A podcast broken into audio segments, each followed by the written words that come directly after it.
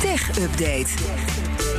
We gaan naar Kees Dorrestein. Kees, de beursgang van het social media bedrijf van Trump wordt nu ook onderzocht. Ja, dat klopt inderdaad. Twee financiële waakhonden die toch eventjes naar dat Digital World Acquisition aan het kijken zijn. Uh, het gaat om de SEC en de Financial Industry Regulatory Authority. Die zijn nu aan het kijken of dat allemaal wel in orde is, die, die, die hele beursgang. Um, zo wil de Amerikaanse beurswaakhond onder andere meer weten over uh, hoe dat bestuur nou in elkaar zit en welke contacten er zijn geweest sinds dat dat social media bedrijf van Trump bestaat. En de FINRA, die, die uh, Financial Industry Regulator, die wil vooral gewoon kijken naar de handel voorafgaand aan het bekendmaken van die spec. Want als dat allemaal niet in de haak is, dan is het eigenlijk helemaal van de baan voor ja. Trump. Maar Trump is ook niet gek. Die heeft een nieuwe CEO aangesteld hè, van deze, deze, dit gefuseerde ding. Trump Media and Technology Group. Ja, exact. En, en dat moet Devin Nunes worden. Een republikeins congreslid. Enorme Trump-aanhanger. En waar werd die Nunes vooral van bekend? Dat hij een rechtszaak is gestart tegen Twitter vorig jaar.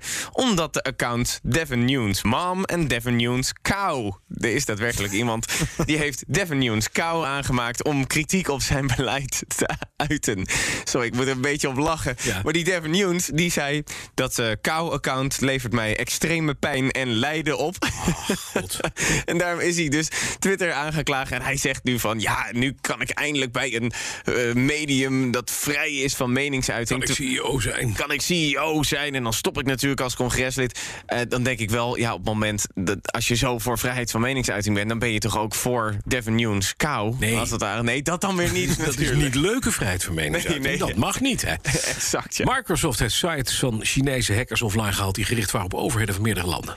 Ja, het gaat om sites die door de Chinese overheid gesteunde hackergroep uh, Nickel zijn opgericht, zegt Microsoft. Die probeerde zo informatie van overheidsorganisaties, denktanks en mensenrechtenorganisaties uit 29 landen te bemachtigen. Daaronder zou Amerika vallen, maar ook Italië, Frankrijk en Groot-Brittannië.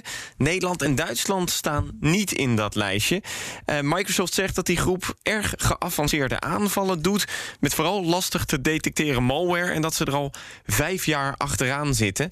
En dat ze ze nu dus eindelijk in ieder geval in bedwang hebben door hun sites over te nemen. Ja, het gaat inderdaad om over, overheidsorganisaties, hè, de proberen te hacken. Ja, die proberen ze te hacken inderdaad. Uh, en uh, die, die, uh, die Nickel, als het ware, die, die groep, um, ja, die wordt gelieerd aan de Chinese overheid en zou dus zo eigenlijk uh, gevoelige informatie naar China weten te krijgen. Kees nog even naar dit. Busje komt zo, busje busje. Over busje hebben. We gaan over busjes de hebben. internationale campermarkt? Nee. nee, niet over, oh, nee, nee, over busjes, niet oh, over busjes. campers. Oh nee, sorry. nee, de Zuid-Koreaanse overheid uh, die wil namelijk de hersengolven van buschauffeurs gaan meten. zou je dat willen weten? Wat, wat, wat doen ze dan? Nou ja, dan gaan ze eigenlijk uh, zo uh, real-time meten hoe gefocust, hoe vermoeid en hoe gestrest de buschauffeurs zijn. Ja. En dat is een test in de Zuid-Koreaanse provincie Gyeonggi. Dat uh, meldt Next Web. En daarvoor krijgen buschauffeurs sensoren in hun oren. En op het moment dat die sensoren aan jouw hersengolven meten dat jij een beetje gestrest bent, dat je niet lekker op de weg aan het letten bent, dan gaan er allemaal alarmen en visuele effecten bij de buschauffeur af. Van let op, let op, let op de weg.